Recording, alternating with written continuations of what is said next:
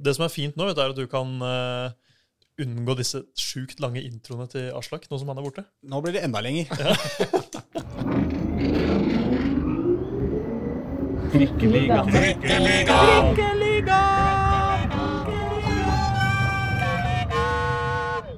Hei og eh, velkommen til eh, Trikkeligaen. Som dere hører, så er det ikke Aslak Borgersrud som ønsker dere velkommen om bord på den rullende vogna, men det er eh, Håkon Thon istedenfor. Aslak har eh, gått av trikken en liten periode for å hvile armer og ben, slappe av. Og derfor så har vi istedenfor uh, fått inn Jonas. Du har kommet deg om bord i trikken. Godt å ha deg tilbake. Etternavnet kan du ta sjøl. Booker, ja. Booker. Tok båten over til trikken, så godt på plass i Oslo. Deilig å se deg om bord. Det er jo samme, samme billetten, er ikke det? Jo da, nei, du, ja, du må ha, legge til sånn uh, tilleggsbillett, er det ikke det? Fra, sone 2S på Nesodden og Ja, du er utafor Ja, dessverre. Hvis du får trøbbel Jeg har sjø, sjølappen. Du har klippekort fra Så- 1972 fortsatt. Ja, ja, Et par ledige turer på den. Jeg har båtførerlappen, heter det. Ja, okay. men, men det kan vi komme tilbake til. Ja. Mm. Reidar også, som alltid, om bord eh, bakerst i trikken med beina på setet. Uoppdragen og uforskammet som alltid. Godt å se deg også. Opplærte det på gamle Elveren, Elver, Elver Kjelsås. Du hang bakpå, kanskje, du?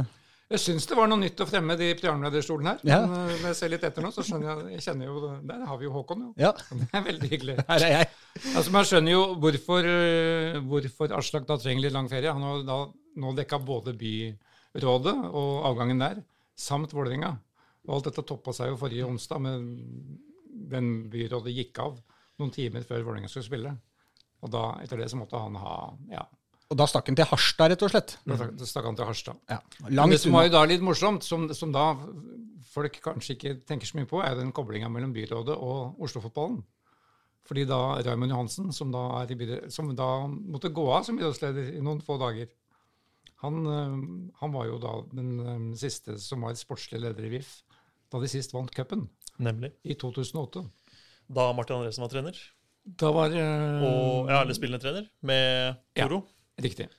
Stemmer. Han var in charge. Og da huska jeg jo plutselig, når vi tenkte på Raymond Swift-bakgrunn Jeg hadde jo et intervju med David Tavakoli her for noen år siden, da han spilte i Skeid. Så, så ba jeg peke på viktige barndomstrenere. Selvfølgelig Raymond Johansen. Ja. På Trosterud eller Lindeberg eller oppi der et sted. Ja. Så da måtte vi jo ringe også Raymond Johansen og få en kommentar om David Tavakolis utvikling.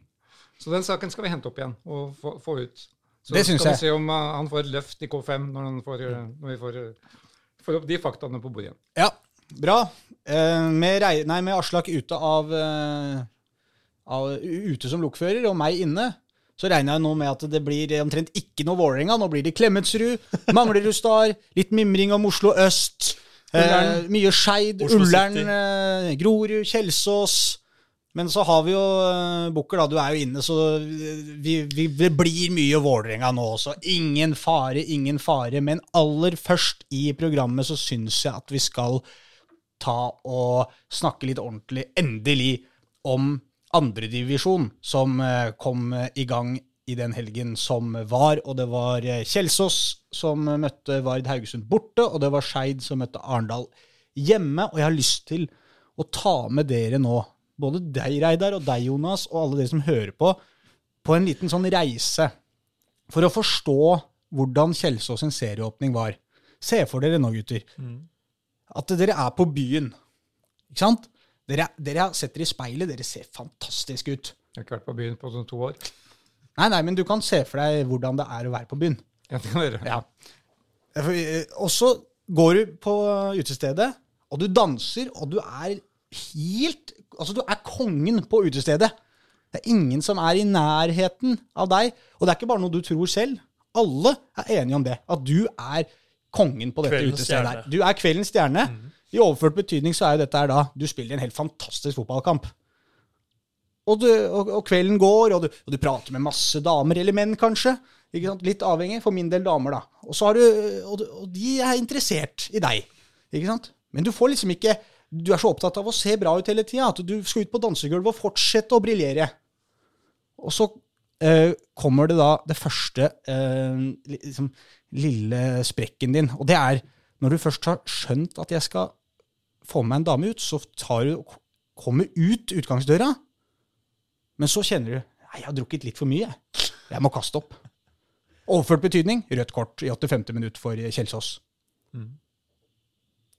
Og i et lite uoppmerksomt øyeblikk så kommer en tullebukk som ingen har sett hele kvelden. Overført betydning var i Haugesund. Har vært helt fraværende hele kvelden. Og tar med seg dama, setter seg i taxi og freser av gårde. Og mens du ser at de kjører av sted med alle tre poengene, så kommer det en eller annen tulling og slår til deg i trynet. Og der ligger du i rennesteinen uten noen ting etter en helt fantastisk kveld på byen. Sånn var Kjelsås sin eh, serieåpning. De rundspilte Vard Haugesund fra start til 90. minutt, men 90 pluss 30, da kom det et baklengsmål av eh, det sureste slaget for Eivind Kampen og Kjelsås, som satte seg i buss og kjørte sju timer hjem etterpå. Det så ufortjent, var det ikke det kommentatoren sa? Eh, I det eh, var det Haugesund satte inn ja. skåringa på slutten. Nei, det var jo eh, ja, et ran, som vi kaller det. På litt, hvis, vi skal droppe den byturen og sånn og snakke rent fotballfaglig, Ja. si, så var det jo en, en kamp som Kjelsås absolutt hadde fortjent å vinne, sett eh, ut fra sjanser. Det var bare for å sette det på spissen. For å, hvis du kan gå fra å være liksom helt der oppe, Mm. og så ende opp der, hvor du ikke sant, utslått og aleine. Ja, det var en interessant metafor. Men eh, så jeg lurer litt Tok du den? hvordan- Jeg tok den. Ja. Jeg har jo selvfølgelig aldri opplevd noe sånt. Nei. Men, eh, men eh, bussturen var sikkert fascinerende. Fra Haugesund og ja, De kjører E134 da, kanskje, over fjellet. Altså, det, det tar tid. ja, sju timer ca. sa han. Sju timer. ja. Du tok jo en telefon til Eivind Kampen, trener. Hva sa han? Eh, Det, det var vel en litt eh, Noe skuffa Kampen som svarte deg da du ringte. Ja, ja, altså han øh, Han var jo skuffa, selvfølgelig. Det, men, men han var jo Altså, de gjorde jo alt rett, som han sa. Vi spiller en glimrende kamp. Vi, vi hadde stolpeskudd, tverrleggerskudd. I alt telte jeg ti eh, ålreite målsjanser for eh, Kjelsås. Eh, Brotangen hadde to svære, Akinyemi hadde to svære, Rossland hadde to svære. Painsley hadde vel en Ja, Painsley hadde to Ja. svære. Uh, Jakob Hanstad, som debuterte, hadde en ålreit mulighet i starten av andre omgang. Men det var, den ville jo bare ikke inn. Og da Brotangen blir utvist i 85., så begynner du å tenke, ikke sant? Mm. Hva skjer nå? Skal alt, skal alt glippe, på en måte, etter at spilt den flotte kampen? Og det gjorde det selvfølgelig etter at eh, Det var vel han, en annen debutant, Vassdal, som, eh, som klarerte en ball i en Vard Haugesund-spiller. Så dalte den perfekt over, landa på huet til, eh, til Chima, spissen til Vard Haugesund, som kunne heade ballen i tomt mål. Altså, eh, dette slaget jeg refererte til, som endte opp med eh, i slutten her, det er jo det andre røde kortet som mm. Kjelsås fikk. For på toppen av alt så fikk de jo to røde kort her. ikke sant? Først Brotangen i 85., og så får eh, Akimbola rødt kort for protester. To gule på rappen for protester på det baklengsmålet som de mente var offside. Og da, dermed så må de da klare seg sant, uten Akinyemi og Brotangen også i neste kamp. Så det gikk på en måte fra en så vidunderlig kveld og start på sesongen til eh, katastrofe, rett og slett. eh, Men, eh, men altså baklengsmålet de slipper inn, er jo veldig klønete. Eh, Når du, når du først uh, ender opp med ti mann, og så kommer det et innlegg, og så er det liksom Du ser stopperne ja, Ballen får jo sprette i 16-meteren før noen får, uh, får tak i kula. Og så er det liksom en sånn ja, Snur seg 180 grader og en elendig klarering rett i Vard Haugesund-spilleren. Det er jo klønete. Altså, de kan jo på en måte takke seg sjæl at de ikke gjennomfører matchen på profesjonelt plan, da, holdt jeg på å si. Når, uh, altså, Ja. Med den skåringa der. Ja, det, det, de, det virka som at når det innlegget kom, at de tenkte Det var en lang ball som kom inn i feltet, da, og Glenn Håberg ble litt uh, usikker på hva han skulle gjøre, og ble litt avventende. Da de først fikk slått ballen inn, så kom klareringa fra han Vassdal og, og målet. Men det, det virka som de bare tenkte at Vard Haugesund skårer jo ikke. Vi trenger jo ikke å klarere denne ballen i det hele tatt. De er jo ikke i nærheten av å få til noe i denne kampen. Men uh, Så vi kan konkludere med at den tapende cupfinalisten fra 1975, som noen av oss eh, husker, de skal vi ikke regne inn blant irritert sjiktet i andre divisjon. Nei, Ut fra det de leverte her, så er, øh, blir det helt andre enden av tabellen. Men nå har de jo tre poeng, da. Kjelsås har null. Men, ja. men øh, det, det var jo litt sånn rart for Eivind Kampen, for han var jo så veldig fornøyd med egentlig alt. For det var spillemessig det beste Kjelsås har gjort? Ja, ja, ja, det var en fantastisk Klart. kamp. Men det, ja, det blir litt sånn Jeg høres litt ut som Eivind Kampen på telefonen, kanskje. Jeg veit ikke helt liksom, hva jeg skal si, for det, det, var så bra. Men du sitter ikke igjen med noen ting da, i banken. Nei. Nei. Og det, da, det, er nesten det vondeste, som han sa. Du, du blir jo ekstra forbanna når du faktisk har spilt en kjempegod kamp og ender opp med null poeng. Mm. Altså Ett poeng hadde jo vært skandale, det òg. Jeg satt jo og skrev saken og liksom syns synd på Kjelsås, som bare fikk med seg ett poeng. Sånn, sjansesløseri og bare ett poeng i Haugesund, og så kommer den i tillegg, på en måte. Da, ja, da, da hadde jeg vondt av dem, rett og slett. Men så han potensial i, i resten av sesongen, da, holdt jeg på å si? Altså med, med en så god ja, ja, ja. kamp spillemessig? Altså. Ja, ja, selvfølgelig. Altså, mm. det, det, er jo masse å ta med seg, men, men du, vil, du vil, jo gjerne ha med deg noe allerede der da, når du spiller en så god kamp. Men sånn gikk det ikke, da. Men og det gikk ikke noe bedre for uh, vår andre klubb i andredivisjon. Sin seriepremiere Skeid hjemme mot Arendal. Det ble null poeng der òg, Reidar? Ja, vi hadde både Skeid eh, på lørdag og vi hadde Vålerenga 2 på mandag. Så ja. alle tapte jo på rekke og rad. Men, ja. Eh, men, eh, det var jo interessante kamper. Skeid først. Arendal. Det er jo da um, antatt som de to favorittene i øverst i divisjonen. Det har vel vi tippa, uten at vi har hatt konkret tabelltips. Mens uh, VGs tips, så jeg hadde Skeid 1 og Arendal 2 på deres tabelltips. Og mm, det kan jo godt hende. Eh, både Gard Holme og Arendals trener, den gamle FFK-helten Roger Risholt, var jo da innforstått med at de trodde at begge lagene ville kjempe toppen blant de fire-fem øverste. Arendal, veldig fysisk sterkt lag. Det fortonte seg tidligere slik, tenkte jeg, at hvis dette laget får dødballer, så blir det farlig. For de hadde jo okser både foran og bak.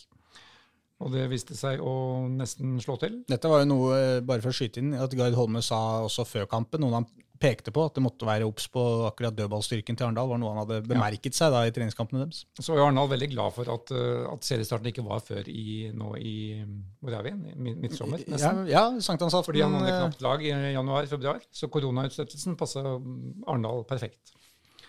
Eh, de hadde kutta lønnsbudsjettet med 40, over 40 sa han. Så det, de har uh, fått inn de viktigste spillerne sine først den siste måneden før seriestart. Mm. Mm. Men uh, Skeid hadde jo også mye nytt. Sentrallinja der er jo, er jo, ny, med ny keeper i, i Anders Gundersen.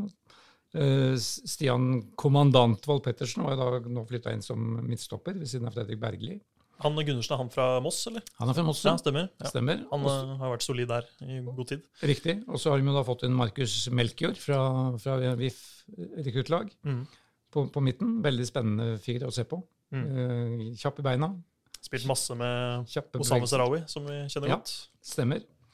Og så da denne um, mannen med så mange navn, Abdil Basit Oro Agoda, mm. som ville vært både, både i um, Koffa og Grorud de siste årene. Skeid prøvde å få den i Tom Nordli-tida, men da valgte han vel K5, tror jeg. Mm. Så vidt jeg husker.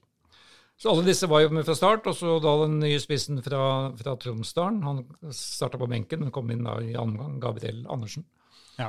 Så mm, mye nytt på Skeid også. Og de hadde jo det meste av, meste av banespillet. Og syns det var spennende. Jeg har jo sans for Simen Hestnes og Melker på midten der. De tror jeg kan uh, drive mange av disse kampene for, for Skeid. Men forbausende mye gikk på høyresida, med deres meget uh, offensive høyrebekk. Matar Nijie Ka. Han kom stadig fram. Det var vel han som serverte 80% av innleggene til Skeid i denne kampen, tenker jeg. Hmm. Mens uh, David Hickson opererte på venstresida. Og det ble Helt jevn kamp. 0-0 uh, pause, var det vel. Og så skårte Arendal da fikk altfor lett spillerom i Skeids midtforsvar i begynnelsen av annen gang. Uh, Skeid hadde et par giftige sjanser. Hvert av lagene ble vel snytt for hvert sitt straffespark. Og så fikk da Arendal inn 2-0, og så hvor fysikken vant. Før da Skeids redusering kom tre minutter på overtid på straffespark ved Jonny Budøsson. Etter at den omtalte høyrebekken ble felt. Ja. Så mm, ja, surt poengtap, men uh, jevn kamp. Og helt greit at Arendal vant. De hadde vel 5-5 i målsjanser, så vidt jeg husker. Ja, Men kunne fått med seg noe kanskje mer her Skeid også, da? Det kunne de absolutt. Ja. Jeg tror kunne de fått med seg noe. Ja. Men, men Arendal, godt lag. Men, men eh, Høyrebekk eh, Ka var en du setter en lite utropstegn ved siden av og syns så bra ut i denne kampen, skjønner jeg da? Han var jeg fornøyd med. Og Anders Johansen òg. Mens jeg ja, Oksene kåra vel Fredrik Bergli til lagets beste. Mm. Helt greit, det òg, men jeg syns de, de ga Arendal litt for så god plass i avgjørende situasjoner ja. i midtforsvaret. Mm. Men eh, hyggelig å være tilbake på Nordre Åsen igjen, da, hvor det frivillige korpset gikk og vanna banen i timevis, holdt jeg på å si, før kampstart. Med håndholdte slanger og ordentlig dugnad. Ja, det er vel snakk om at de skal altså Den der evige sagaen om Nordre Åsen, så er det jo etter hvert når de skal få lagt uh, noe nytt der igjen, så så er det jo snakk om at de også skal få et ordentlig vanningsanlegg der, skjønte jeg også, da, på han Gard Holme. Ja, men det vanningsanlegget her fungerer helt fint. Da. Ja, I motsetning til uh, på Intility eh, på BIF 2 i går, i går kveld. Da de skulle starte annen gang, så klarte de ikke å slå av va- vanningsanlegget. De hadde løst det med manuell, manuell dirigering, for da hadde de bare lagt, tatt slangen andre veien. Mens her ble, Ja, her ble hele straffefeltet Det var torden og regn i fem minutter før de fikk satt i gang annen gang. Men du kunne melde om alkoholfri pils på pressetribunen, var det så? Eh, Sagene kjørepils eh, ble, da tilbudt eh, av Skeidformann rett før kampstart. Så det var et nytt servicenivå på Nordre Åsen eh, i år. så Selvfølgelig en alkoholfritt, men velsmakende. Det ja, var du, du tok en? var Selvfølgelig. Det var jo ca. 30 varmegrader varmere nå enn da sist, sist forrige hjemmekamp mot eh, Asker i den kvalikkampen mm. i begynnelsen av desember. Er Som for øvrig ble besøkt av landslagssjef Ståle Solbakken, selvfølgelig. For han, han er jo var øh, veldig våken for å se på talenter i Oslo-fotballen. han er i det hele tatt da han er i det hele tatt veldig aktiv på norske fotballarenaer, og det, det liker vi jo, Jonas. For vi oppdaga jo at han også befant seg her da det var eliteserierunde, først i Mjøndalen, og så Mjøndalen Strømsgodset, og så satt han på kvelden og så Vålerenga-Bodø-Glimt eh, To rett foran deg. to, to meter foran meg satt eh, Ståle og fulgte med på toppkampen. da, eh, Vålerenga-Bodø-Glimt. Så eh, ja, Det er veldig gøy å se. Jeg vil- lurer på hvor mange landslagskamper eh, Lars Lage- Lagerbäck var på da han eh, var eh, in charge. Men det Han ble, i hvert fall ikke, han ble i hvert fall ikke sett på mange. Om han var på mange, vet vi ikke. Men eh, det var ikke Han var, jo, om han var jo flink til å kle seg ut, men, Ja, det var det. men, jeg tror ikke han var på Nordre Åsen. i hvert fall. Nei, det tror ikke jeg. Jeg hadde en egen evne til å avsløre han når han kledde seg ut. Ja, du gjorde det, ja. Ja. selvfølgelig. Men skal vi ta det tredje andredivisjonslaget Jeg òg? skulle det bare, Apropos dette med pilsen. Ja. Var det sånn at du drakk det i en, eh, i en eh, burk, eller, altså en boks, eller, eller fikk du det i et glass og det så ut som at pressen satt og nøt eh, bare en eh, halvliter? Nei, dette var, dette var øh, god, gammeldags brun flaske. Ja, ok, ja, men det funker, syns Ja, det funker Ja, veldig ja. Så sitter pressen bøtter nedpå. For, for du ser nå under fotball-EM nå i Danmark hvordan det ikke fungerer. Når, der har jo alle med seg plastkrus med øl Ja. inn. Og hver gang Danmark scorer, så er jo da tradisjonen i Danmark å kaste det glasset. Ja, opp. Naturligvis. Um, Det er jo stille å se på, nå selvfølgelig. slapp vi de til, tilstandene på Nordåsen. Ja. Men, nei, men Sagene kjørepils var uh, nytt innslag i år. Ja, som, som jeg også skjønte, eh, som jeg snakka med deg her om, Reidar, altså denne plassen for dere som er godt kjent på Nordråsen, og vi vet jo at det er en del av dere som hører på, så er det jo mellom klubbhuset og banen der, så er det et lite område hvor de også har noen planer om å få opp noe, noe telt og litt benker, og liksom etter hvert kanskje prøve å få litt ølservering og greier der òg. Hadde de klart det, så begynner det jo å, å bli ordentlig koselig på, på Nordre Åsen, men det er det jo allerede, da. Veldig koselig. Ja. men da må de søke serveringsbevilgningen antagelig. Eh, for de kan vel ikke bare sette i gang med ølservering på plassen sin? VIF 2. VIF 2, der hvor vannet aldri sluttet å renne. renne. Ja, VIF 2 den fulgte jeg jo også da, som opptak til eh, Danmarks fotballfest. Ny trener, Øystein Sanden, inn. Hans første kamp fikk jo drømmestart, egentlig. da. Ikke på, Enden på visa var ikke god, men øh, begynnelsen var fin. Dette, denne Sanden og en, en kar Dag Eilif Fagermo har håndplukka og fra Skien, og som skal komme for å lage kontinuitet mellom lagene i, i Vålinga. For det er jo kort, kort vei nå mellom rekruttlaget og, og elitelaget. Og jeg husker ikke alle i, i, i, lufta, men det var vel fem, fem av de spillerne som starta i går, som har vært med i, som har spilt for laget. Møtte Bærum. De møtte Bærum under eh, deres meget kjente trener Jan Erik Sørensen. Og Jan Derek. hva sa jeg? Erik. Jan, kanskje du sa Erik. Derek Sørensen. Ja, ok. Erik. Jan Erik. Ja. Derek. Hans siste erfaring med Vålerenga var jo å slå dem ut av cupen i 2018, eh, da Ronny Deila ledet VIF. Og han, det var jo nippet til at Deila gikk på dagen. 2019 der, kanskje? 2019 var det kanskje? Ja, Mot Bærum, ja. Ja, Bærum, ja. ja stemmer. ja 2019. på um, Hva heter det for noe der ute? Eh. Kadettangen. Kadettangen. Hvor det alltid blåser er kaldt. Ja. Men det er nå så. Eh, Det så ikke sånn ut, i går, sånn ut på mandag. Da tok jo, Scheid, nei, tok jo da Vålerenga to ledelsen etter 58 sekunder, Mm. ifølge Spiker, som hadde stoppeklokke. Um, og de kjørte på. Det var da ved en, eh, en eh, kjapp kant som heter Jakob Diko Eng. Som kan bli en spennende kar. Han, han, hadde, Mm. han var det stor fart i. Han er ny vel i Vålerenga nå. Kom vel inn eh, fra Lyn eh, i fjor, Ja, tror jeg. ja. Så um, Innlegg fra Sidi Jata for øvrig, som, eh, som starta her. Han fikk Riktig. inn opp mot eh, Glimt. Ja. Og heading 1-0. 1-0. Veldig sterk, veldig bra prestasjon av Jakob Diko Eng, som holdt på til å skåre på, på nytt bare noen få minutter etterpå. Og så var han vel involvert i enda en situasjon, og så ble han skada. Eh, og lå ved siden av stanga og ble, ble behandla for skade. Når da var vel Zekarias Oppsal som slo corneren Mm. fra hø- høyresida der. Og som da en annen uh, Apropos fysikk. VIF stoppet med fysikk. Fredrik Holmé stanga i, stanga i mål. Så da var det altså 2-0 til VIF etter ni minutter. Og to hodestøt. Og to hodestøt. Og Jakob Eng liggende til behandling. Og så fikk da Eng gult kort tre minutter etterpå, når han endelig hadde kommet seg opp. Fordi han skjerma en ball på en dødball. Og så ble han bytta ut etter 18 minutter. Han fikk vise seg fram på, på mange Han fikk gult kort fra skjerma. Hæ? Ja, altså um, Bærum fikk frispark. Ja, okay. Og så stelte sånn, han seg seg rett ved ballen, sånn at han hindra dem å ta frisparket kjapt. Da. Det er gult kort. Det er gult kort. Det er jeg enig ja. Men, men, det- men det er jo en regel som eh, overhodet ikke praktiseres, føler jeg. Da. Som, jeg skulle gjerne sett at den ble praktisert i mye større grad. Enig. Men det er en sånn regel du blir litt eh, irritert nå når du får det gule kortet på, fordi at det er jo ingen andre som får det. Det er litt det samme med den sekssekundersregelen med ballen i hendene hos keeperen. Ja. Det, det er, du blir jo glad når dommerne tar det på én måte. Samtidig er det jo ekstremt urettferdig når alle driver med det. Hvorfor skal du da plukke ut én, én hendelse og få den imot deg? Ja, det, er ikke, det er ikke mange dommere som, øh, som blåser på det. Nei. Men et tips, da, hvis du har lyst til at motstanderen skal få gult kort når han skjermer når du tar frisparket, da bare spiller du ballen rett på han. Ja. For da Men det gjorde gjorde man jo før. Ja, man gjorde kanskje det. Men uh, en kompis gjorde, uh, av meg gjorde det for uh, ja, et par år siden. Og da fikk han gult kort med en gang. Han fikk jo kort for å sparke ballen på Nei, ham. nei. ja, eh, motstanderen Ja. som skjerma. Så det, hvis du vil ha effekt av det, så tror jeg det er tipset. Men det fortsatte jo da i dette sporet. Og Felix Horn Myhre var jo da den sentrale midtbanespilleren til Vålerenga. Han spilte jo endelig på den plassen han egentlig ville spille på, også på A-laget, men som han ikke får lov til. Så han styrte jo kampen, og de, Vålerenga hadde vel et par store sjanser til, så de burde jo leda fire til pause. Kunne avgjort til pause, rett og slett. Ja. Men isteden så kom da, kom da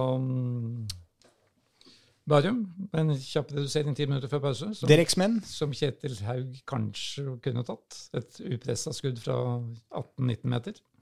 Erik Ansuk Frøysa. Erik Frøysa som skårte det. Men så kom da pausen. Ja, en digresjon var jo for første gang siden 1977 så opplevde vi å se noe så uvant som et lag blottet for drak draktreklame. Ja, nemlig. Bærum spilte i rein gu- gule T-skjorter. Ikke ett merke. Det er litt deilig. Akkurat som EM nå. Det er også uten, Ja. uten draktreklame. Mm. Det er litt deilig å se. Det er sånn at man legger merke til det. Ja. Men har Bærum da mye penger? er spørsmålet. Ja, dette rakk vi ikke å gå i dybden i på, men dette skal vi Dette kommer vi ikke tilbake til. Nei, dette kommer vi ikke tilbake til. Det vil overraske meg om vi kommer tilbake til det. Men de gjorde da et grep i pausen. For hvem satte det inn? Det er quizen. En gammel landslagsspiller med 23 landskamper Det er vel han for eh, Norge. Vi er snakker om tidlig 2000-tall. Som Bærum satt innpå. Som Bærum satt innpå. På tidlig 2000-tall? 2010-tall? Ja, Henning mellom 2000 og 2010. Henning Hauger? Henning Hauger, ja. Uh, han spilte sammen med Martin Andresen mye i Stabæk Stemmer. og på landslaget, faktisk. Har du juksa, Jonas, eller tok du den uh... Juks. Har du juksa litt? Ja, det var litt juks. Jeg sjekka, sjekka. Ja, det, det, For det var, det var imponerende, sånn- faktisk. For jeg begynte å tenke tenkte, ja, For det er ikke- slags spiller, liksom. det er ikke Henning Hauger er ikke en som ramler ned i huet på meg veldig fort når jeg tenker på det norske landslaget. altså. Han spilte jo ofte sammen med Christian Grindheimel på midten da under Drillo. Ja, Eh, Stemmer det. Ja, ja. ja da. Men eh, det er jo helt rett, det er kanskje en av de mest, altså mer anonyme landslagsnavnene da, Ja, absolutt. man husker. Men ble, ble jo da i mine øyne helt avgjørende på den kampen mot VIF 2. Ja. Nå er vi på et annet nivå, Men han gutten er da, eller mannen kanskje, er 35 år gammel nå. Mm. Og ble ansatt i Bærum da i januar i år. som uh, Han er leder av sportslig ungdomsavdeling i Bærum. Ja. Så noe penger har de vel. Noe penger må det være. For han det er ikke så lenge siden han la opp som toppspiller. Men uh, Henning Hauger da tok, tok, tok grep om den midten, og det førte til at, at, at uh, Bærum kjørte hele annen omgang. Og da var det der sjansene kom, da. Mm. Mot det samme målet på Intility. Ja. Og det da, ja. er 1-2, 2-2, 3-2. Tar ikke detaljene rundt alle de målene, men det var, var helt greie nok. Og mm, det ble en forsvarskamp for VIF 2 i deres første seriekamp for året. Bra. Moss Nei, Eller bra var det jo ikke. Det ble null poeng faktisk på alle Oslo-laga i andredivisjon i eh, serieåpninga. Det er alt annet enn bra, da. Men det var allikevel, som vi, vi kan tolke, eller dra ut av dette her, kan vi jo si at det var mye bra sportslig. altså Sportslig sett var det mye bra. God fotball mange av laga leverte, men fikk eh, egentlig litt dårlig betalt alle sammen, kan vi vel si. Det kan vi si. Men så må vi jo føye til da, at VIF 2 i tillegg pådro rødt kort på overtid på en spiller som ikke hadde vært på banen i det hele tatt. Og det er imponerende. Florin Lukai fikk rødt kort. Jeg regner med at det var for munnbruk fra, fra benken. Mm. Så det var liksom for å avslutte kampen enda litt verre. For, Ja, litt sånn à la Kjelsås. Her, at det bare rakna helt, egentlig, etter en kjempefin start. Men siden vi først er inne på Vålerenga 2, da. eh, Sidi Jatta spilte spiss, står det her. Gjorde han det? Men han spilte kant. Han spilte kant. ok. Men uh, bekymringsfulle var jo at han da etter hvert han ble skada Mm. og måtte gå ut rett før pause. Ja. Så det er jo litt spennende. Jeg fikk ikke sjekke opp hvordan det er med han nå, men de, Nemlig. de har jo de har jo Aron Dønnum ute nå, så Ja. det er jo ille hvis han også forsvinner. Ja, for dette er jo en eh, mann som ligger i skorpa her. Ja, absolutt. Og har jo fått to innhopp nå i to kamper på rad. eh, Og ble bytta ut igjen mot Odd, da, eh, skal sies. Men, men spennende, og synd for Jata og Vålerenga hvis han er skada nå. Vi, eh, jeg tror vi skal bevege oss to hakk opp. Ja. Vi hopper liksom bukk over førstedivisjon. Vi skal ta litt om Grorud og KFM helt på tampen av sendinga, men i og med at vi spiller inn dette på en tirsdag, og både, begge lagene spiller senere i kveld, så, så tar vi det til slutt. Og så skal vi begynne å nærme oss nå eh, A-laget til eh, Vålerenga. Vi kan ta med på tampen bare da at eh, at eh, Skeid de møter Rosenborg 2 borte på lørdag. Kjelsås møter Odd 2 hjemme. Mhm. Og Vålerenga 2 møter Moss borte. Alle kampene lørdag klokka fire. Spennende. Da, eh, meine Damen und Herren, eh, toppmatchen i eh, Eliteserien eh, mellom Vålerenga og Bodø-Glimt. Eh, Jonas, du satt der som sagt nevnt sammen med Ståle Solbakken, og hva fikk dere se? Nei, Ståle og jeg med 2000 andre, da, vel å Ja. merke. Og det var veldig gledelig å ha tilbake tilskuere.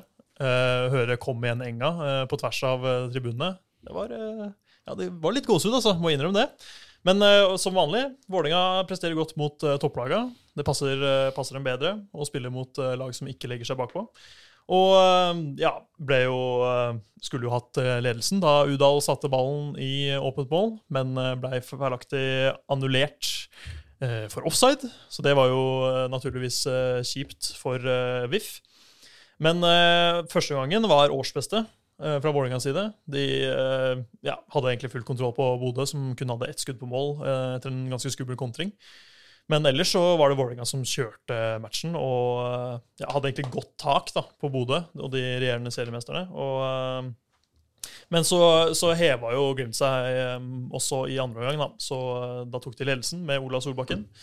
Før Vålerenga da uh, utligna med Tolls Nation, som har skåra tre mål på sju kamper, tror jeg, så langt i år. Nesten Vålerengas toppskårer denne sesongen. Ja, Bare kun Dønnum vel som har flere. Ja, Ja. Så det er jo imponerende. Og målgivende pasning fra spisserstatter Henrik Udal, som eh, fortsetter å imponere, men ble bytta ut, da. Så det er eh, litt interessant. Ble han byttet ut pga. skade, eller? Nei, han var uh, spurten. Han var helt fin og ikke sliten, ikke skada, men ble bytta ut for uh, Sidi Atta. Så kom vel faktisk Henrik Bjørdal opp fra midtbanen, som for øvrig spilte en veldig bra match.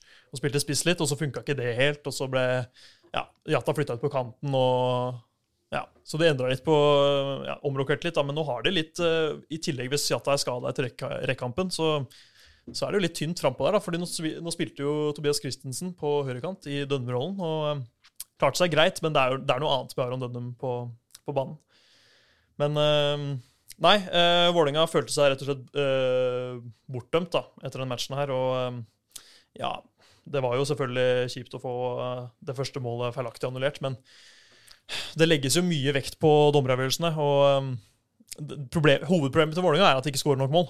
Ja, for de har jo nå dem, eh, altså På de tre siste kampene da, så har de skåra ett mål i hver av dem. 4-1-tap mot Viking, 1-1 mot Odd og 1-1 mot Bodø-Glimt.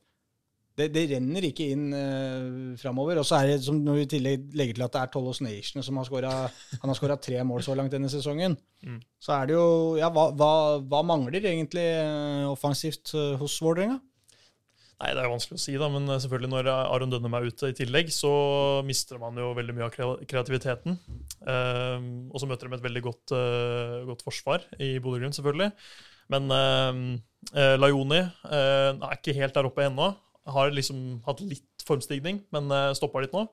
Var helt OK mot Bodø, hadde en god mulighet der. Men ehm, nei, det er effektiviteten som må opp her, da. Jeg tror de har skapt flest sjanser i alle kamper, ja, bortsett, kanskje bortsett fra den i, i Stavanger Nemlig. mot uh, Viking. Så det sier jo noe om, uh, om hvor skoen trykker. Mm. Men eh, jeg syns Henrik Udal har vært veldig positiv. Og, og det er jo som sagt dommerfeil at han ikke ble matchvinner da, Mm. på, nå, nå sist. Det, må- det må jo tas med det òg. Så det er, det er igjen egentlig her også, igjen fra Oslo-laget vårt, sportslig en god prestasjon, men også her litt dårlig betalt. Ja, Det er helt- veldig. Um, ja, nei, du, du sier, eh, sier det riktig der, men, eh, men det er jo veldig kjipt for Udal å, å ikke kunne altså, Sånn som de sier altså, eh, Tolles Nation mener jo at eh, Skyldte jo direkte på dommer at, at de blir bortdømt. Men man veit ikke hvordan kampbildet hadde blitt hvis Vålerenga hadde fått ledelsen. Altså, Det er jo vanskelig å si. Så man kan jo ikke kun skylde på dommerne for at man ikke vinner. I hvert fall i sånne her kamper. Så um, Nei, men utrolig kjipt for Udal, da, som kunne gått tre må- kamper på rad med skåring. Det vises jo i EMO. Du må jo helst skåre et par-tre ganger for å få ett mål. Fordi Mm. mål blir annullert. Enten ved feil dommerøvelse eller usedvanlig sære VAR-avgjørelser. Ja. Som driver med millimeterpresisjon. Ja. Så nå har jo da TV 2 eh, etterpå tilbudt seg å komme opp med en forenkla VAR-løsning for norsk fotball når de overtar rettighetene. Mm. Kunne da deres sportsdirektør Vegard Jansen Hagen fortelle til VG her om dagen. Og, Så de jobber med saken.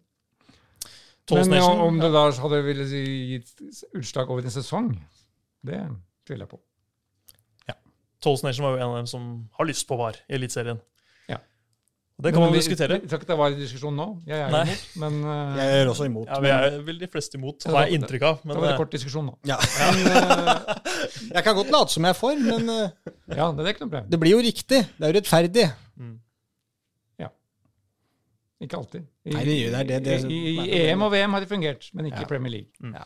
Men altså, Mitt største problem med VAR er kanskje akkurat veldig ofte dette med offside, som, som eh, egentlig er mitt problem. fordi hele poenget med regelen offside er jo at eh, det skal forhindre å gi angripende lag en fordel med å være plassert for, altså bak forsvarsrekka til det andre laget.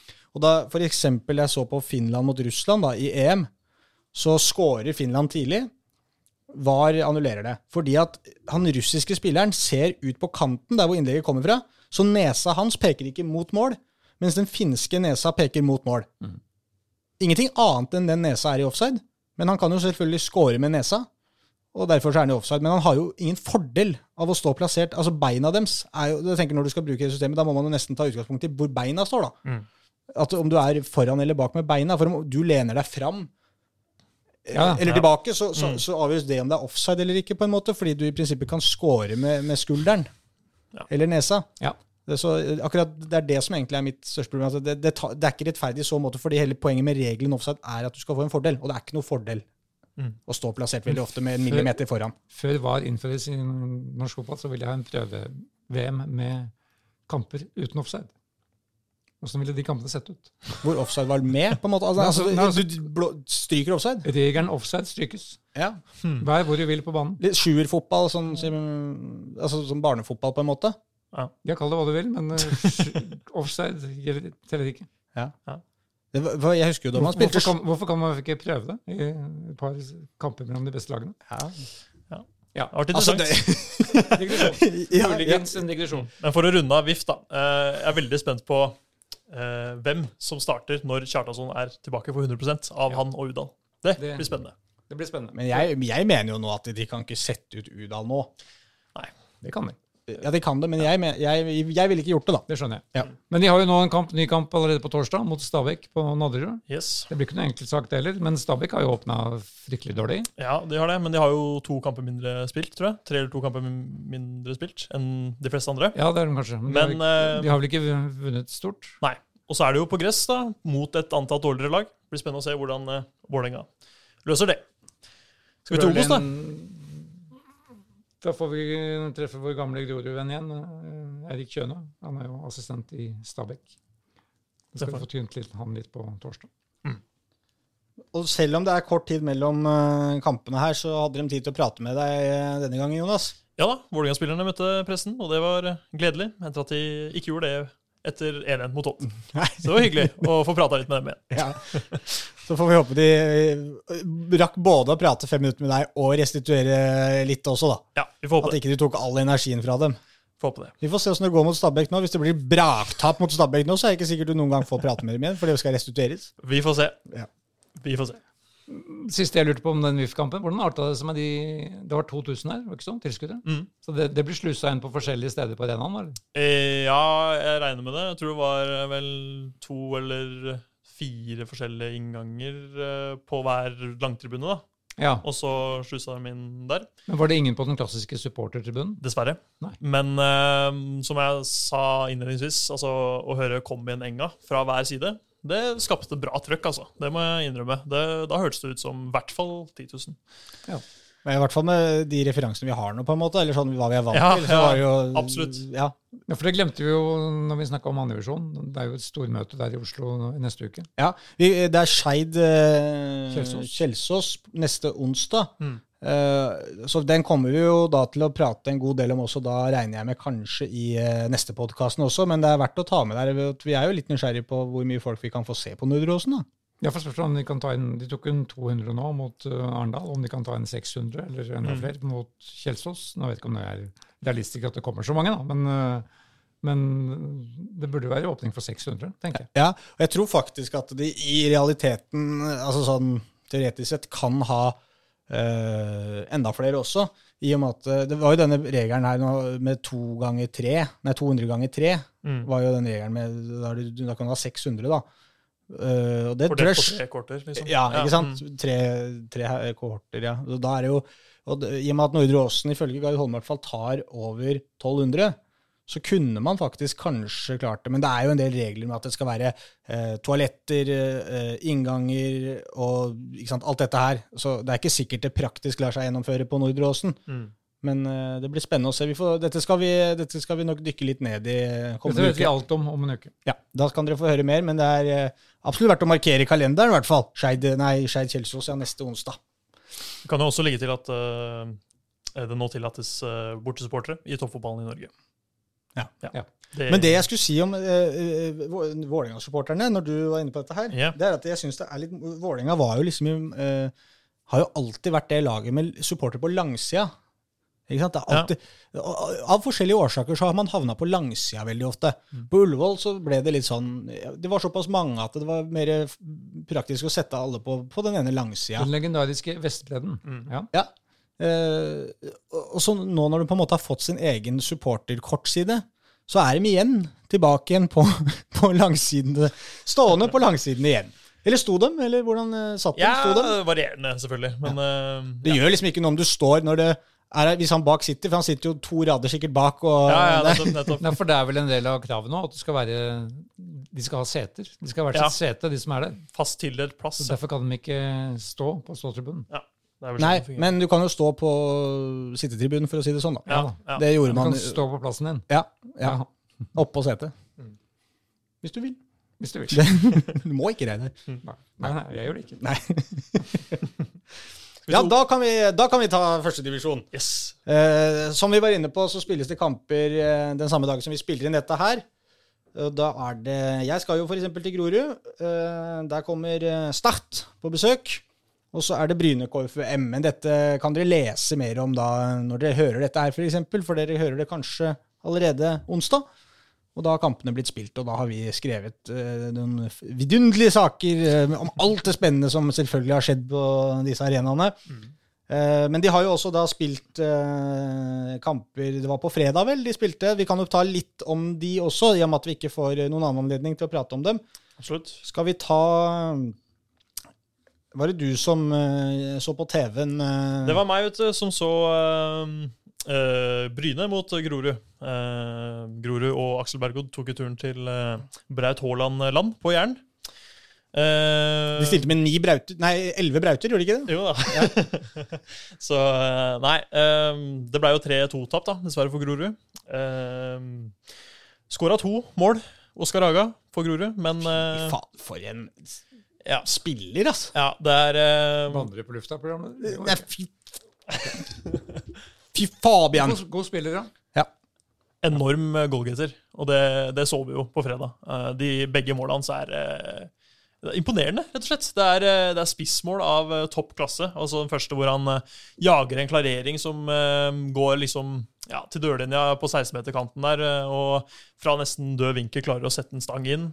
Andre hvor han bare ja, snur seg 180 grader, kliner til på volley rett i kassa. Nei, det er... eh, jeg er spent på hvor lenge han blir i Obos-ligaen og, og Grorud, for der er det talent. Det er, sky, det er skyhøy klasse, faktisk, på de, Mm. begge de måla der. Det er, eh, det, det er ingenting. Det er, det er helt dødt. Det er bare Aga aleine. Mm. Ingenting annet som skjer. Det er ikke noe spill. Det er bare Aga mot Bryne, og så skårer han to mål. Er sant. Enormt imponerende. Ja, det er det. I tillegg til at han er enormt, eh, enormt bra straffeskytter. Eh, Så dette er jo en spiss som eh, ja, Stabæk regner med å angre på eh, lot gå i sin tid. Men eh, ja, kampen ellers da var jo egentlig kjørt. Kanskje noe Kjøne eh, tenker på Stabæk, som, eh, som jo faktisk vi var inne på sliter litt i, i Eliteserien. Absolutt. absolutt. Eh, men kampen ellers, som sagt, eh, ja, ganske dårlig av Grorud, i hvert fall første omgang. Bryne kjørte stort sett. Skåra eh, første målet og andre målet på en uh, innøvd cornervariant. Og etter pause tok de 3-0 med en ny cornervariant, som eh, ja, var litt heldig med en eh, ja, et skudd via en Grorud-forsvarer og sånn, og, og inn i mål. Men, eh, men fortjent, selvfølgelig, at Bry- Bryne leda 3-0. Og så kom eh, Aga plutselig våkna eh, etter 66 minutter. Og så tok det litt lengre tid før de klarte å få den andre reduseringa, og da var det for seint. Dermed 3-2 til Bryne. Så Grorud fikk, eh, de fikk litt sånn fortjent, da. Ja, absolutt. Men Aga, som, det er som du sier, det var Aga som var på jobb for Grorud den, ja. den kvelden. Som vi så på disse høydepunktene derfra også, så skaper jo Bryne eh, to ganske feite muligheter rett fra innkast òg. Og det Ja, er litt ja. sånn eh, Det er litt bekymringsfullt, syns jeg. For det, dette så vi jo var i Eliteserien også, Viking som skåra Ja, to to mål på Lillestrøm eh, etter innkast. ikke sant? Og det Mm. slippe til muligheter på den måten der, det, det må de bare få stramma opp. Det går ikke, faktisk. Absolutt. Mot Bryne, da, som Gru, nei, Koffa møter nå i kveld. Ja, Ja, Bryne. Tirsdag kveld. Ja, Bryne, ja. ja, og KFM kan jo godt hende at de tar luven av, eh, av Bryne, for de var eh, fantastisk gode, rett og slett, i kampen sin mot Ranheim på Intility. Eh, jeg sa det vel til Isnes etter kampen, at det, dette tror jeg faktisk er den beste omgangen jeg har sett av eh, KFM. De hadde så mye muligheter, skapte så mange sjanser. De skåra to mål. Remi André Svindland og Tore Sørås på sin 23-årsdag ble jo da matchvinner til slutt, da, Sørås. Men det var altså kombinasjonsspill og pasningsspill som gikk hurtig og presist. Og, og Philip Romsås ute på høyrekanten, han valsa over eh, stakkars Erik Tønne på venstrebekken til Ranheim gang etter gang. Mm. Og serverte Sanyang, serverte Svinland, serverte Sørås. Det var jo han som var, han hadde, Romsås hadde avslutning som gikk via en eh, Ranheim-spiller og havna på foten til Svindland på 1-0-målet. Og så var det og så var det assist av Romsås på det andre målet til eh, KFM. Og etter pausen også, så fortsatte han. Rett fra avspark. Serverte Svindland på helt blank goal, som på merkverdig vis klarte å Han hadde hele det ene hjørnet åpent, så skøyt i det andre, hvor det lå en keeper og en forsvarsspiller. Og fikk bare hjørnespark. Og det var egentlig en nesten kopi av noe han gjorde i, i første omgang også. Hvor Romsås igjen ned på kort, helt ned på dørlinja. 45 ut.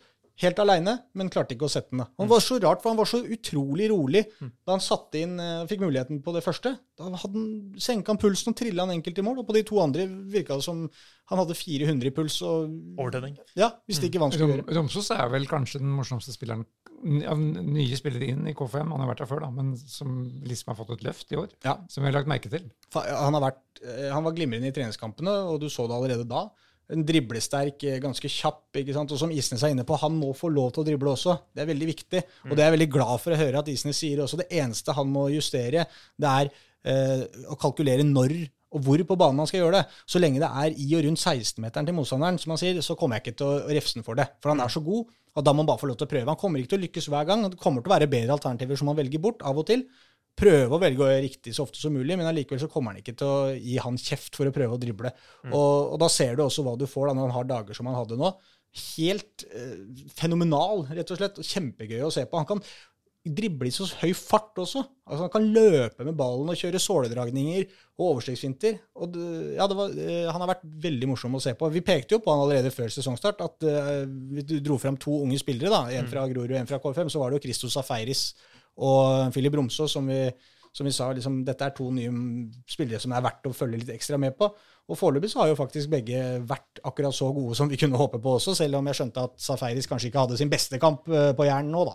Nei, han, eh, han var litt eh, mindre synlig enn han har vært ja, i, tidligere i, i de første kampene i Obos i denne sesongen. Men, ja. men, det- men det ble 2-1 til pause, og så ble det resultatet. Var det så? 2-1 til pause, ja, på Intility. Og altså, eh, for å ta, Hvis vi bare rekapitulerer litt grann til Grorud mot uh, KFM. KFM, Mm. hvor Grorud spilte en kjempegod førsteomgang Mm. uh, og en dårlig andreomgang. Kanskje fordi at Koffa spilte en veldig god andreomgang. Og da, Det som er litt morsomt, er at Grorud da kommer ut nå i neste kamp mot Bryne og spiller en dårlig førsteomgang. Den som var god mot KFM. Mm. Men gjør en mye bedre andreomgang. Mm. KFM motsatt. Spilte en dårlig førsteomgang mot Grorud. Kjempegod førsteomgang mot Ranheim. Men en dårlig andreomgang. Eller dårlig, den, de holder jo unna, da, men det blir etter hvert veldig trøkk. Og du begynner å tenke ok, skal, skal dette ryke for KFM også nå, da? Fordi at når Ranheim begynner å få mye dødballer, mye hjørnespark, frispark, alt mulig Det var jo det eneste de skapte noe på i første omgang. Målet også kom etter en, eh, etterdønningene på en måte av et hjørnespark med litt spill fram og tilbake og et nytt innlegg og en heading. Det var det eneste de hadde. Dødballer. Og det var egentlig det eneste de hadde i kampen gjennom. Det var bare at det blei mange flere av dem etter pausen. Og da blei det jo litt svett på slutten.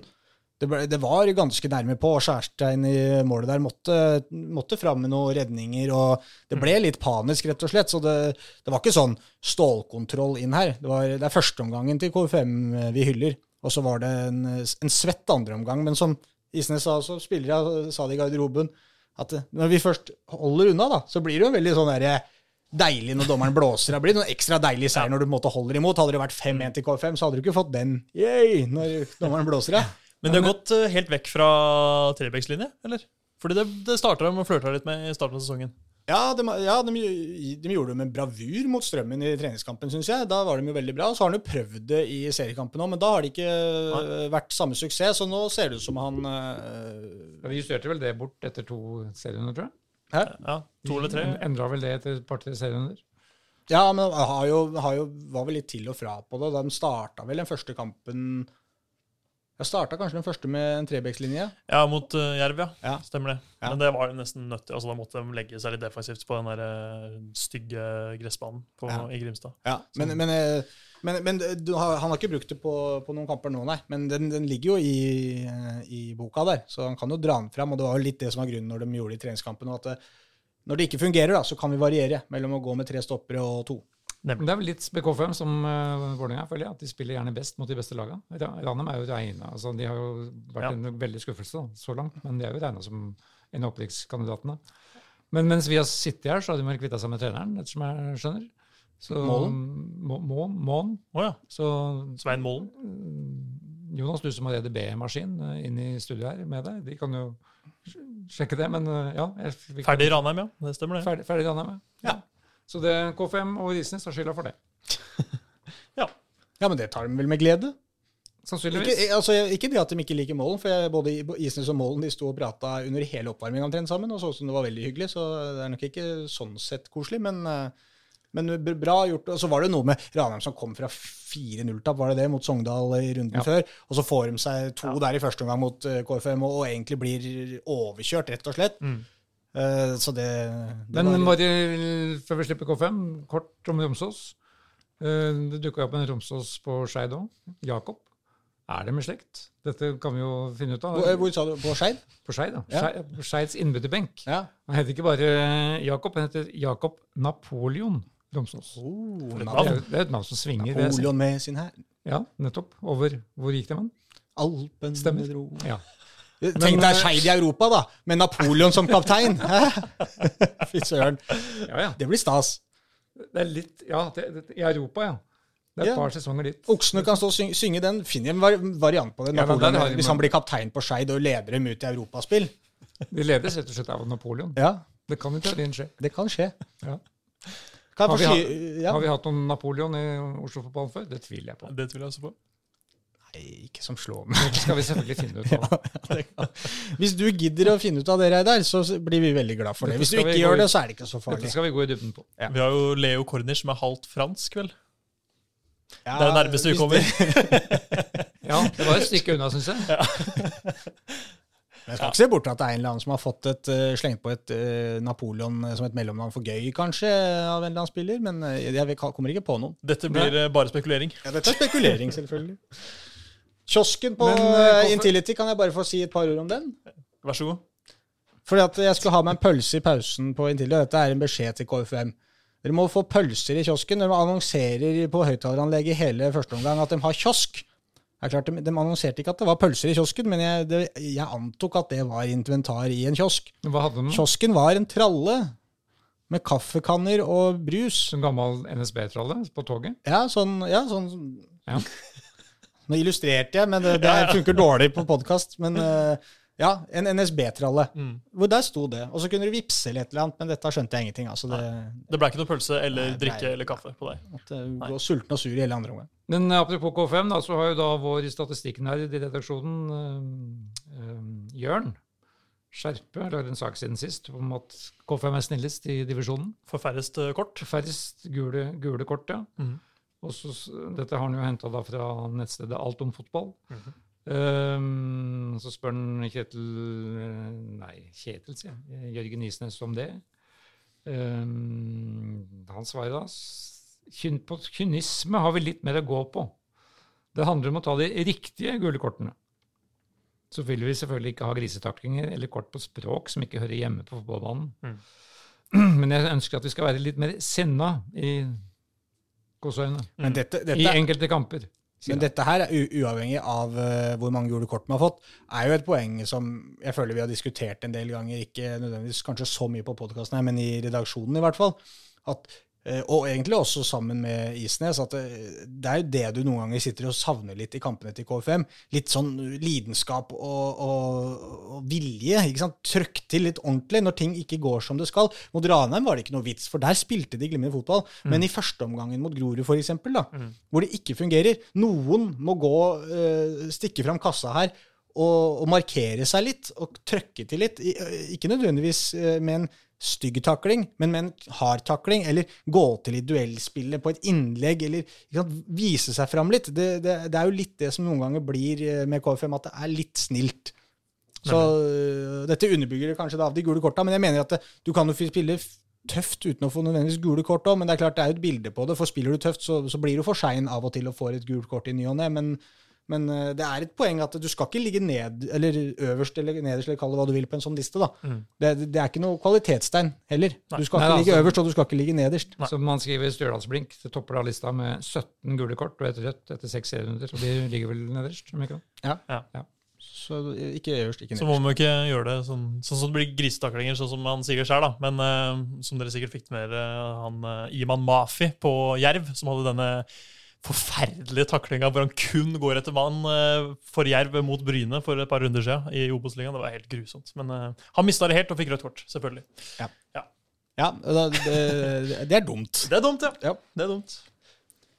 Nei, vi- er vi det blei ble en del ufortjent eh, resultater, syns vi vel, her fra, fra Ja, det ble hovedstaden. tap- Det ble tap over hele fjæra, altså ikke med VIF 1, da. For- Nei, og ikke med KFM. Ingen, ingen seire. Jo, KFM vant. Ja, ja det, det, det er riktig.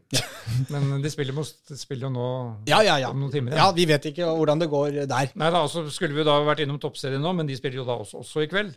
Så vi kan ikke snakke om VIF damer og Lyn. fordi Der har det ikke vært noe siden sist. Der nei, der har det vært landslagspause Ja. med et uh, forferdelig landslag som er der ute på tur og tapt. Ja, 7-0, var det? Pinlige tap både i Sverige og Nederland. Resultatene nevnes ikke. Dette ligger jo utenfor vår sektor. Ja. Dette kan dere gå inn og søke opp selv istedenfor. Vi orker ikke å ta de resultatene her, for det var blytunge greier. Sportsklubben 07 ble det i Nederland. Ja. Eh, men, da, men de har da nye kamper til helgen igjen, så Lyn skal da Jeg syns Lyn er litt spennende i denne toppserien. Med helt nytt lag og ny trener. Eh, Den gamle Stabæk-legenden Tom Stenvold. De har Stabæk på nyopprykkede Stabæk på lørdag på Kringsjå. For dere som da har uh, satt på dette her eh, og fått ned resultatene fra førstedivisjon, som dere jo har, så kan vi heller minne om de neste kampene til eh, KFM og Grorud, som er eh, KFM Strømmen og FFK og Grorud. Begge kampene er på søndag, er ikke det? Jo, klokka tre på søndag, begge to. Det, er, det blir da neste kamp. Men kampen i Fredrikstad blir jo en meget interessant sak. Fredrikstad gikk jo ferdig jo rett gjennom andredivisjon i fjor. Det var vel bare Skeid som ga dem visst, visse vanskeligheter Mm. i kampene sine. Og da var de ubeseira inntil de møtte HamKam nå sist. I Han starta veldig bra. Så, og der kommer det jo folk også. Ja. Der kan det, der kan det jo, ja, som vi snakket om, det kan jo komme veldig mange folk der. Vi er litt usikre på om det er 2000 eller 5000, eller hva som blir regelen der for dem. Men eh, hvis det blir 5000 på Fredrikstad stadion, så blir det en kjempemorsom opplevelse for Grorud, i hvert fall sånn Ja, ja, eh, eh, rammene og alt dette her. Altså endelig kjenne på det trøkket på Fredrikstad stadion. Der blir moro for dem. Og da, da, da må de trekke fram eh, tidligere trener Eirik Kjønes gode ord når de spilte mot Fredrikstad i, i andredivisjon. Da, da, han da han spilte denne Fredrikstad-hymnen for spillerne sine, for at de skulle være forberedt på hva som kom på Fredrikstad stadion. Og så rett og slett prøve å delta, bli med på moroa. Mm. Ta del i eh, den atmosfæren som er der, og ikke, ikke bli skremt av når han på utsida av den. Spill den kampen og lev med publikum, dere også. Bruk det til deres fordel. Og klarer man å frustrere Fredrikstad Nå har jo de hatt en så eh, fin periode, som du var inne på. at eh, De har jo klart å få publikum litt mer på sin side. Da Grorud møtte dem, så var det jo litt mer eh, Folk var jo forbanna, ikke sant? fordi Fredrikstad fikk ikke til noe. Mens nå har de kanskje publikum litt mer i ryggen, og da blir det, blir det tøffere. Men det er jo det HamKam klarte litt. da. HamKam er jo et veldig defensivt lag. eh, Og FFK et veldig offensivt lag. Og når Fredrikstad da ikke får til noe, ikke sant? stanger og stanger og stanger på HamKam, så, så, så fikk de i tillegg ett mål imot. da. Og det er jo litt det som er interessant. Kommer Grorud til å prøve det samme? Kommer de til å legge seg eh, sånn som HamKam gjorde? Og eventuelt har de de kvalitetene? For vi så jo disse sjansene Bryne hadde mot ganske godt etablert eh, Grorud-forsvar. Og, Ja. og hvis Bryne kan eh, spille ut etablerte Grorud-forsvaret, så kan definitivt eh, angrepet til Fredrikstad gjøre det òg. Ja, og Fredrikstad har vel like dedikert målskårer som Grorud. Um, Ja. og så det altså Henrik Kjelsrud Johansen. Den gamle VIF-spissen som lykkes lite i Vålinga. Men så gikk han vel til Brann fra Vålinga. Så Ja, har han jo var virkelig blomstra i Fredrikstad. Han var vel i, han var vel i, han gikk han ikke fra Vålerenga til Fredrikstad, og så Brann og Fredrikstad? Eller altså, jeg tror han har vært to perioder i Fredrikstad, i hvert fall. Han gikk fra Vålinga til Brann, i hvert fall. Ja, okay. Men han var kanskje i Fredrikstad før Vålerenga, da? eller? Rett fra Eliteserien til andredivisjon. Det er jo en sjelden overgang. Og, Ja. og, og til å være såpass eh, forholdsvis ung, da, som Kjelsrud fortsatt er. Ja. Var han ikke Odd òg? Han skjøt dem rett, var rett opp, da. Og, Det gjorde han. og har vel fortsatt i år. Men eh, ja, Grorud har jo spilt på De spilte jo på Åråsen eh, i fjor, vel, men det var, altså, det var jo kun for eh, 200 eller 600, så det Det blir var jo siste seriekampen. Det var jo helt, Ja. veldig viktig for Grorud, da. Ja, ja, absolutt. Men det blir jo en litt annen eh, hvis, eh, hvis det blir 2000-5000 på Fredrikstad stadion, så kan det jo bli liksom ja, Få kjenne litt på norsk toppfotball, da. Og eh, ja, atmosfæren, som du var inne på, Ja. Håkon. Ja, for her har du Kjelsrud Johansen. Han var i Odd fra 14 til 16. Og så var han på lån i 2015 til Fredrikstad. Så han var i Fredrikstad oh, ja, da en ok, periode så- først. For det var det jeg mente at han hadde vært der. Du skal alltid ha rett, du. Ja. Ja. I hvert fall når jeg har det. Det er fint. Ja, det det. Og så, så Vålerenga Brann og Fredrikstein. Ja, ja. Riktig. Skal vi eh, si at eh, dette var det, eller som dommeren pleier å si, Reidar? Ja, men, altså, eh, nok, Nok er er nok. Jeg har jo ennå ikke hørt en dommer si det, men ifølge TV-kommentatorene så sier de det. Og nå sier i hvert fall denne TV-kommentatoren at nok er nok. Da møtes vi igjen til høsten, for nå er jo midtsommer, og det er sommersolverv. Og sola går nedover igjen. Ja, det vil si at vi møtes igjen om en uke, med andre ord. Nemlig. Ja. Ha det! Ha det! Ha det.